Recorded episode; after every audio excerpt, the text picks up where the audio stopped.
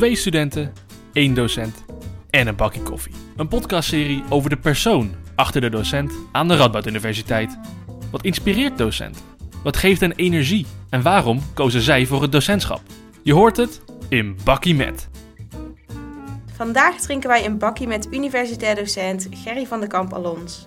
Van de Kamp Alons is gespecialiseerd in internationale betrekkingen binnen de sectie politicologie en bestuurskunde. Gerry zit inmiddels al 18 jaar in het vak en houdt zich niet alleen meer bezig met het verzorgen van colleges en het doen van onderzoek. Ze is ook lid van de ondernemingsraad en ze probeert vernieuwend onderwijs te ontwikkelen. Uh, Gerry, welkom in Bakkie Met. Dankjewel. Drink je veel koffie? Helemaal niet. Helemaal... Ik drink nul koffie. Ja, er zijn echt mensen die zeggen: hoe heb je een promotie kunnen doen zonder koffie? Maar het is me gelukt. En dan heb je nog een soort van verwarring? Thee of... Uh... Ik drink thee of water meestal. Ah, ja. ja. Maar in thee zit ook vrij veel cafeïne. In de zwarte thee wel, ja. Ja, ja, ja, dat klopt. Was een PhD iets wat je altijd al wilde doen of ben je er een beetje ingerold? Eigenlijk geen van beide. Um, dus het is niet dat ik tijdens mijn opleiding al dacht van dit is wat ik wil gaan doen. Uh, wel toen ik mijn masterthesis schreef, dat ik dacht van ik vind dit echt leuk, ik heb hier plezier in. En als mensen om je heen dan zeggen van je bent hier goed in, je kunt ook eens overwegen een eh, PhD-aanvraag te doen. Uh, dus toen ben ik daarover gaan nadenken. En het was dus niet erin rollen, maar wel een heel bewuste keus om te solliciteren op een positie in Nijmegen die hier langskwam. Waarin ik zelf nog heel veel vrijheid had om het onderzoek te bepalen en de richting daarvan. En dat sprak me erg aan. En ik ging sowieso naar Nijmegen verhuizen omdat ik ging trouwen. En uh, mijn man woonde hier. Dus het kwam allemaal perfect bij elkaar. Ja, een mooie, mooie samenkomst van ja. omstandigheden dan ja. inderdaad. Ja. En uh, speelde ook onderwijs hier ook bij een rol? Of ging je toen echt voor het, voor het onderzoek? Uh, ik denk in alle eerlijkheid dat ik nog niet een heel goed beeld had uh, bij of je als PhD-candidate veel onderwijs erbij doet of niet. Ik, ik, wist wel dat sommigen dat doen, anderen niet. Maar wat in Nijmegen precies uh, de insteek was, was mij vooraf niet helder. maar hoe het uiteindelijk gelopen is, daar ben ik heel blij mee. Want ik heb meteen de kans gekregen vanaf het tweede jaar om ook in het onderwijs ervaring op te doen. En dat beviel me eigenlijk heel goed. Dus het begon met uh, hoorcolleges, dat je een gastcollege doet bij een ander vak. Uh, dat je een werkgroep draait in een cursus die een andere docent met veel ervaring coördineert. Dus je hebt dan echt wat coaching en je kunt uh, van andere mensen leren. En, en daar ben ik dus in zekere zin tijdens mijn PhD ingerold. En dat heb ik met veel plezier gedaan en doe ik met veel plezier nog steeds. Het is niet de reden dat ik voor dit vak gekozen heb, maar uiteindelijk is het wel een van de leukste onderdelen van mijn vak. Ja. En vond je die eerste keer, ik kan me voorstellen, als je er niet bewust voor kiest, het niet heel spannend? Dat je, zeker eigenlijk al in je tweede jaar, dan dat je al als een, als een soort gastspreker uh, in zo'n college mag staan. Was het niet extreem spannend om dan voor zo'n groep te staan? Ik vond het mijn eerste hoorcollege doodeng. Ja, en dat was ook nog voor een groep waar internationale studenten aan meededen, dus het moest in het Engels. En natuurlijk is mijn werk, eh, alles wat ik lees en wat je schrijft, moet in het Engels. Maar er zo gaan staan en gewoon anderhalf uur een verhaal kunnen houden, uh, dat vond ik best wel uh, eng.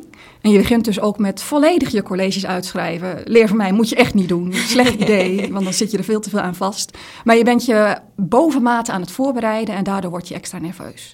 Ik zou alle junior docenten aanraden, doe het niet op die manier. En toch doet iedereen het omdat je je onzeker voelt op zo'n moment. En daar maak je gewoon een leercurve in door. En dat is ook prima. Dus uh, ik vond het eng, uh, maar daar ben ik vrij snel overheen gekomen. En werkgroep heb ik nooit eng gevonden, maar altijd al heel leuk. Dus de interactie met studenten veel meer. Het samen met opdrachten bezig zijn. Um, dan zie je toch meer zeg maar, het, het leereffect meteen dan in een hoorcollege. En die, en die, groepen zijn ook veel kleiner? Groepen zijn veel kleiner, ja. 15 studenten bijvoorbeeld ja. onze opleiding. Ja. Nou, dan heb je ook misschien minder het gevoel dat je tegen een enorme muur staat aan te praten... Die, met mensen die allemaal al mening erover hebben.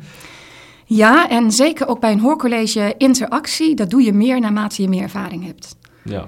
Want als je net begint is dat ook wel eng, want je weet niet wat er dan komt... En je kunt niet je reactie spontaan, uh, moet je dan doen. Dus dat kun je niet voorbereiden. Uh, dus dat is ook iets wat je naarmate je meer ervaring hebt gaat doen. En wat een college zowel voor jezelf als voor studenten natuurlijk veel leuker maakt. Maar tegen studenten zou ik dan zeggen, heb een beetje geduld met beginnende docenten. Uh, werk goed mee. Uh, en, en iedereen, dit is volgens mij iets wat vrijwel iedereen echt kan leren. Ook als je dat aan het begin niet van nature hebt, is het wel iets waar je echt in kunt groeien. Ja. Kun jij ook nog dat, dat eerste college ook echt, nog echt goed herinneren? Ja, best wel. Het ging over International Political Economy. En ik heb daar echt een beetje de handelstheorie vanuit economisch perspectief uitgelegd. En daarna waarom politicologen daar toch wat anders tegenaan kijken. Dat je als econoom wel kunt zeggen, dit is het meest efficiënt. En als je dan gewoon op de economische modellen vertrouwt, dan gaat iedereen toch vrij handel doen. Waarom gebeurt dat dan niet? En dat de politicoloog zegt van, nou ja, dat is toch best goed te verklaren. Want in de politiek zijn er allerlei redenen waarom je dat niet zou doen. Uh, omdat het voor je eigen werkgelegenheid niet handig is. Uh, omdat uh, je in bepaalde producten helemaal niet, ja, dat, die voor jou relatief duur zijn om te maken. Dat je dus niet concurrentievaardig bent. Allerlei dingen die meetellen. En voor de economen zeggen ze, ja, dat moet je op iets anders toeleggen. Hè, wees daar dan slim in. Maar zo werkt dat niet. In de echte economie, volgens mij. Nee, precies. En, en kreeg je dat toen ook, had je het idee dat je het ook over kon brengen? Of, of had je... Ja, dat wel. En ook wel... Um, dat er goede vragen gesteld werden en dat ik daar prima mee om kon gaan. En ik weet nog dat ik in een evaluatie toen ook uh, teruglas uh, dat mijn uh, hoorcolleges inhoudelijk echt heel goed waren. En ehm, dat sommigen mij de suggestie meegaven, probeerde gewoon wat losser te staan. Je weet gewoon van alles, maar probeer dat wat meer los te doen. Ja, ook ja. wel een compliment dus. Ja, inhoudelijk een compliment en dat mensen ook doorhebben van oké, okay, die, die is dat aan het leren. Ja. ja. Ja, en je noemt nu al best wel veel punten waarbij je zelf merkt van hé, hey, hier kan ik in groeien of uh, dat je dit al over de tijd geleerd hebt. Heb je dan ook bepaalde maniertjes of bepaalde uh, strategieën wat jouw onderwijs typisch Gerry maakt misschien? Ik weet niet of het, of strategieën zijn, maar er zijn wel een paar dingen die ik in mijn uh, onderwijs altijd probeer te combineren. Het zijn eigenlijk drie dingen. Ik vind allereerst belangrijk, je moet aan het begin van de cursus uh, goed duidelijk kunnen maken wat de student kan verwachten. Uh, van wat hij moet doen en wat, wat jij gaat doen. Dus ik hou er echt van mijn handleiding op tijd af te hebben, op tijd op Brightspace. En te zorgen dat iedereen weet waar hij aan toe is. En het betekent dan niet dat je er niet flexibel mee om kunt gaan, maar het is voor jezelf handig en voor de student. En het tweede wat ik altijd probeer te doen, is mijn colleges aan te laten haken bij de realiteit. Uh, dus als je een theoretisch vak hebt, ik doseer bijvoorbeeld uh, internationale organisaties, dan gaat het over theorievorming, over uh, wat kunnen ze, wanneer hebben ze invloed, hoe zit het met non-governementele organisaties. Dat kan best droog zijn. En je wilt dat het duidelijk wordt hoe dat gekoppeld is aan de wereld om je heen en aan de actualiteit. Dus ik probeer in colleges altijd actualiteit te stoppen via krantenartikelen, via kleine opdrachtjes die ze daarmee dan bijvoorbeeld kort even maken en overleggen. Um, en meestal ook via een stelling. Dus ook om aan het begin van het college al even te prikkelen van... oké, als ik deze stelling heb, uh, eerst eens peilen, wat vinden mensen ervan? En dan een voor- en een tegenstander even laten uitleggen waarom. En dan is meestal de cliffhanger van... oké, dus tijdens dit college zullen verschillende elementen langskomen uit theorievorming... die ofwel meer de ene positie of de andere positie innemen. Dus jouw positie hangt waarschijnlijk samen met een theorie die je meer of minder jouw eigen zou maken. Waar je je meer bij betrokken voelt. En ik denk dat dat een manier is waarop studenten op een leuke manier leren van... wacht even, die theorievorming die heel abstract lijkt... die heeft echt te maken met de wereld om mij heen. En ook wat ik daarvan vind en hoe ik dat analyseer. Dus het is ook een didactisch element. En dan het uh, derde, en dat is echt, het moet passen binnen een cursus. Maar ik probeer er altijd een vorm van opdracht of werkvorm in te stoppen... waarin vaardigheden geleerd worden, waardoor je wetenschappelijke kennis... Um, voor een heel ander publiek kunt inzetten en andere vaardigheden leert. En als ik dan die cursus internationale organisaties weer als voorbeeld neem, daar zit bijvoorbeeld een simulatie in. Dus ze moeten echt onderhandelen, dat voorbereiden, daarop reflecteren. Ja, er zijn mensen die in posities terechtkomen waarbij het belangrijk gaat zijn. Uh, een mastervak heb ik gegeven en daar moesten de studenten een keer niet een wetenschappelijk paper schrijven met een onderzoeksvraag en methode en alles erop en eraan. Maar ze moesten een policybrief schrijven voor een, uh, een overheid of een non-governementele organisatie die een beleidsadvies wil die een analyse wil van een internationaal probleem en wat ze daarin kunnen doen, ja, dan moet je heel anders te werk gaan. Tuurlijk gebruik je wetenschappelijke bronnen, maar er zit geen literatuurlijst van twee pagina's bij. Precies. Nee. Ja, daar, hebben, daar hebben Femke en ik ook toevallig ervaring mee afgelopen jaar. Toen moesten we ook zoiets doen. En dat is echt wennen. Dat ja. is zo anders nadenken. Je moet gewoon echt heel erg to the point zijn. Ja. En dat was echt een hele andere manier van denken. Ja, en een, een andere manier van, van, schrijven. Ja, ja, een soort van expertise opeisen eigenlijk. Want hè, jij schrijft dat beleidsadvies en dat moeten zij maar van jou aannemen. Dus dat was, ik denk dat, dat studenten daarin nog altijd heel voorzichtig zijn. En oh ja, die heeft dit geschreven, die heeft dit geschreven. Heel genuanceerd en heel erg afgewogen. Terwijl hier, to the point, dit is wat er aan de hand is. En dit, dit en dit kan je het beste gaan doen bijvoorbeeld. Ja. ja. en het is een hele mooie oefening op een veilige plek. Ja. Dat is het fijne, want je kunt het fictief ja. doen. Ehm, en als je denkt van hé, hey, er komt er een heel leuk advies uit en het is heel actueel, dan kun je altijd nog eens zeggen van nou, ik ga het gewoon naar die organisatie sturen. Dus kijken of ze er iets mee doen. Ik denk niet dat veel studenten dat doen, maar uh, dat kan in principe wel.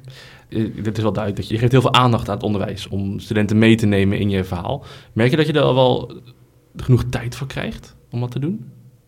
Dat is best een lastige. Um, kijk, als je als PhD-student begint, dan heb je heel duidelijk uh, vooral je onderzoek. En uh, voor de tijd die ik in mijn onderwijs stak, werd ik gecompenseerd. En dat, dat werd, omdat ik het voor het eerst deed, best netjes en ruim aangehouden. Maar je merkt dat als je dan eenmaal uh, UD bent, dan moet je onderwijs in de lucht houden, moet je onderzoek in de lucht houden en ook publiceren voor je carrière. daarnaast ben ik medezeggenschap gaan doen. En voor al die verschillende taken heb je soms dat er pieken zijn in het werk. En als dat dan samenkomt, dan is het echt heel erg afzien. En um, ja, dan merk je wel eens dat dat het lastig wordt om onderwijs zo goed voor te bereiden als je zou willen. En ik moet eerlijk zeggen, voor mij betekent dat gewoon dat ik overwerk uh, ga doen. Dus ik zit dan in mijn vrije tijd dat te doen. Ja. En ik denk dat het voor veel collega's geldt. Uh, omdat ik het belangrijk vind dat het goed gebeurt. En uh, alle dingen die ik doe, wil ik goed doen. Um, ja, en als het dan toevallig, op heel veel momenten die taken best te combineren, maar soms is dat eventjes zwaar. En als dan ook nog tentamens nagekeken moeten worden van 150 studenten met vijf essayvragen, ja, dan is het eventjes afzien. Maar um, ja, er is werkdruk, absoluut. En uh, die is toegenomen doordat we steeds meer studenten hebben gekregen. En onze faculteit managementwetenschappen absoluut. En de opleiding politicologie ook wel in het bijzonder. Vooral de master, die veel groter geworden is. En um, ja, compensatie van de overheid komt eigenlijk nu pas hè, met uh, die nieuwe, ja. dat nieuwe programma van onderwijs. Uh, dus we hebben heel lang al heel erg op onze tenen gelopen. En we hopen dat het geld dat nu komt, dat dat, uh, het is ook voor hè, meer docenten bedoeld, ja, dat we ook die docenten kunnen vinden. En op een termijn, ja, dat dat gaat helpen. Ja. ja. Ja, en in die tijden dat het zo druk is en dat het eigenlijk heel veel um, energie kost, haal je er ook nog steeds wel energie uit? Ja, dat zeker. En in zekere zin haal ik dan uh, juist uit mijn onderwijs energie, omdat je daar die interactie veel sneller hebt. Uh, dat als, uh, in coronatijd was dat ietsje lastiger, maar als je bijvoorbeeld een hoorcollege geeft en in de pauze komen mensen met vragen naar je toe of achteraf willen ze even napraten over een thema. Dat vind ik superleuk, want je merkt gewoon, je hebt ze geenthousiasmeerd voor je vak. Ze zien hoe het gekoppeld is aan hedendaagse debatten en, en daar willen ze dan graag met je over hebben. En ik het feit dat ze mij daar benaderbaar voor bevinden, zie ik ook als een compliment. Dus je krijgt daar sneller wat, wat interactie en wat terug van wat je doet. En ik zei al, nou ja, tijdens corona is dat iets lastiger, omdat je via de Zoom je hoorcolleges geeft. Uh, maar toch uh, heb ik daar ook wel nog mails van studenten gehad en in de werkgroep wat interactie. Waardoor je toch wel een beetje oog houdt op van wat valt er wel, wat valt er niet. Uh, ja. En al met al hoe het gelopen is, daar ben ik onder de omstandigheden nog vrij tevreden over. En heb je ook het idee dat, dat het ook een soort dankbaarheid is als bijvoorbeeld een student naar jou toe komt? Uh, of je... Ja, ik vind het vooral. Er heeft iemand bijvoorbeeld mij gemaild die vergeten was de evaluatie in te vullen. Maar dat ze het zo'n leuke cursus vond, dat het de leukste cursus van haar jaar was. En dat ze zo fijn vond dat de simulatie kon doorgaan. Ook al is het digitaal en doodvermoeiend om drie programma's open te hebben op je computer, een hele dag bezig te zijn. Uh, maar dat, dat ze er enorm veel van geleerd had en dat toch wilde melden omdat ze de evaluatie vergeten was. En in de evaluatie lees je dat soort dingen natuurlijk ook terug. Al lees je net zo goed terug dat, uh, kijk, door corona is toetsing en dergelijke allemaal wat anders. Dus ik had bijvoorbeeld in Cirrus het tentamen en dat je niet tussen de vragen blokjes kon navigeren. Dus wel uitgelegd, er zijn vijf blokjes, elk kostte ongeveer een half uur. Ja, dan heb je een half uur over, dus dat kun je een beetje spreiden. Uh, maar er zijn toch studenten die dat heel vervelend vinden en, en dat begrijp ik wel. Maar ja, als het alternatief is dat je proctorio-achtige praktijken moet gaan toepassen, dan is de keuze voor mij heel makkelijk. Was het ook bijvoorbeeld iets wat uh, jij als student vroeger ook um, duidelijk uitte naar docenten, als je daarop terugkijkt? Ja, al denk ik dat ik dat misschien wel meer had kunnen doen achteraf. Ja, dus misschien wel ja. echt zo'n reflectie uh, ja, nu want, als je erop terugkijkt. Ja. Hoe belangrijk dat eigenlijk is. Dat het, hoe leuk het voor docenten is om dat ook expliciet te horen. Ja. ja. Net zo goed als het ook prima is als mensen tussentijds opmerkingen hebben over van ik zou graag willen dat je dit anders deed of ik vind dit lastig. Uh, dan hoor ik dat ook graag. Want als je dat pas in een evaluatie leest, dan kun je er niks meer mee. Ja, voor het volgende jaar. Uh, terwijl je dat ook in dat jaar had kunnen bijstellen. Ja, als precies. het meteen bekend was. Ja, ja dat je al tijdens het lesgeven al uh, ja. kan veranderen. Ja. ja, Ik, een goeie. Ik heb bijvoorbeeld wel eens dat studenten zeiden: Ja, u gaat nu wat te snel. ik weet dat ik vrij snel praat, zeker als ik enthousiast ben over een thema. En dan is het gewoon goed dat studenten tijdig zeggen: van, Ja, ik hou het niet meer bij.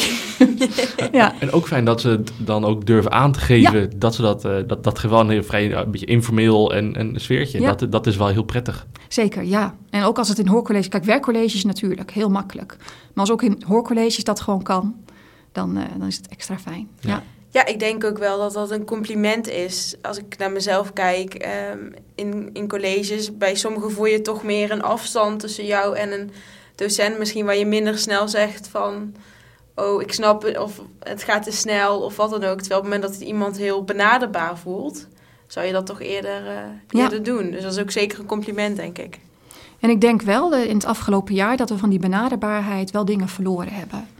Omdat je dus niet dat, eh, dat echt fysiek persoonlijke contact hebt. Want een hoorcollege luisteren op een Zoom is echt totaal anders dan in een zaal. Ik heb op dit moment deze week een wetenschappelijk congres, eh, virtueel.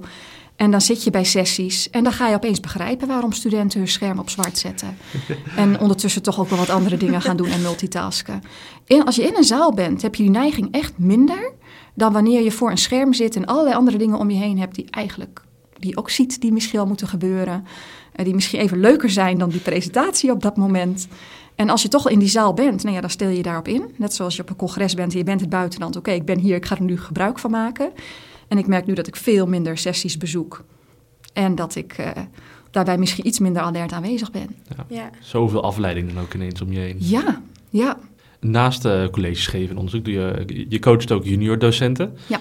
Ehm, dus het is misschien een beetje een gewetensvraag die me net te, te binnen schiet. Als je nu kijkt van hoe, hoe, het nu gaat in het eh, academisch onderwijs en on- in het onderwijs in het algemeen. Als jij nu net afgestudeerd zou zijn, zou jij nu ook voor een PhD gaan? Misschien een hele lastige gewetensvraag. Ja, dat is eh, een lastige vraag. Ehm, ik denk het uiteindelijk wel. Maar er is veel veranderd in de tijd dat, dat ik hier werk. En ehm, er is zeker binnen mijn faculteit ook een, een stap gemaakt van heel erg onderwijsgericht zijn naar veel meer onderzoekgericht zijn. Ook wel door visitaties zijn wij internationaal op wordt afgerekend. En ik denk soms dat we, en dan niet zozeer alleen in Nijmegen, maar in Nederland en wereldwijd, een beetje doorgeslagen zijn in, in hoe die focus op het onderzoek en het publiceren ligt. En dat er soms te weinig waardering is voor ook de andere elementen die bij je vak horen, zoals onderwijs en nou in mijn geval dan ook medezeggenschap. Ehm, juist omdat als je beurzen aanvraagt, dan gaat het om die publicaties en om eerder geld dat je binnengehaald en niet of je onderwijs nou zo goed is en je studenten daar blij mee zijn.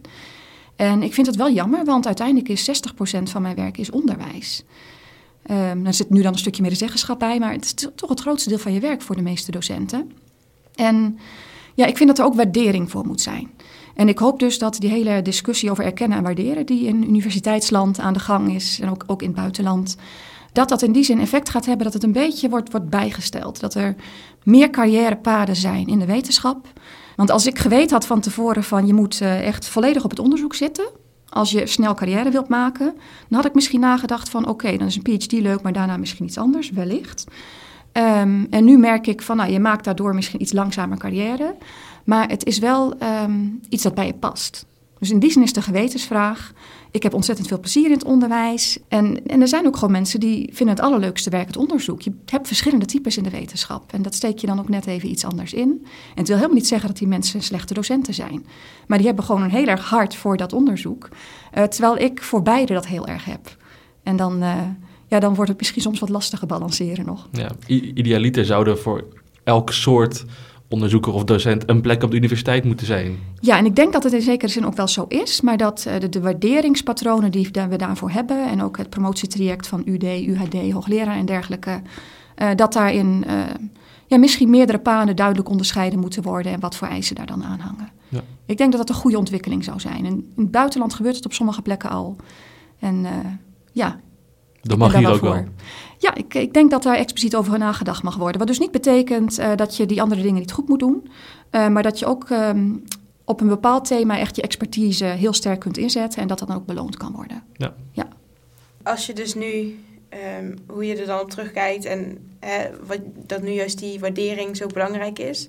Ehm, die junior docenten die jij coacht, wat zou je hen mee willen geven? Ja, dat, het is ontzettend belangrijk om plezier te houden in je werk. En ook als je het heel druk hebt, dat je ook die momenten van ontspanning zoekt waar je weet van. Ik heb een collega die zegt wel eens hard werken, hard ontspannen. En dat je daar ook echt de tijd voor neemt en je succesjes viert. En ik ben er soms wel eens te snel overheen gestapt. Dan heb je een artikel, er is een uh, accept geworden. In plaats van dat je even lekker met je man uit eten gaat of iets leuks doet om dat te vieren, ga je weer door naar het volgende, want er is nog zoveel anders te doen.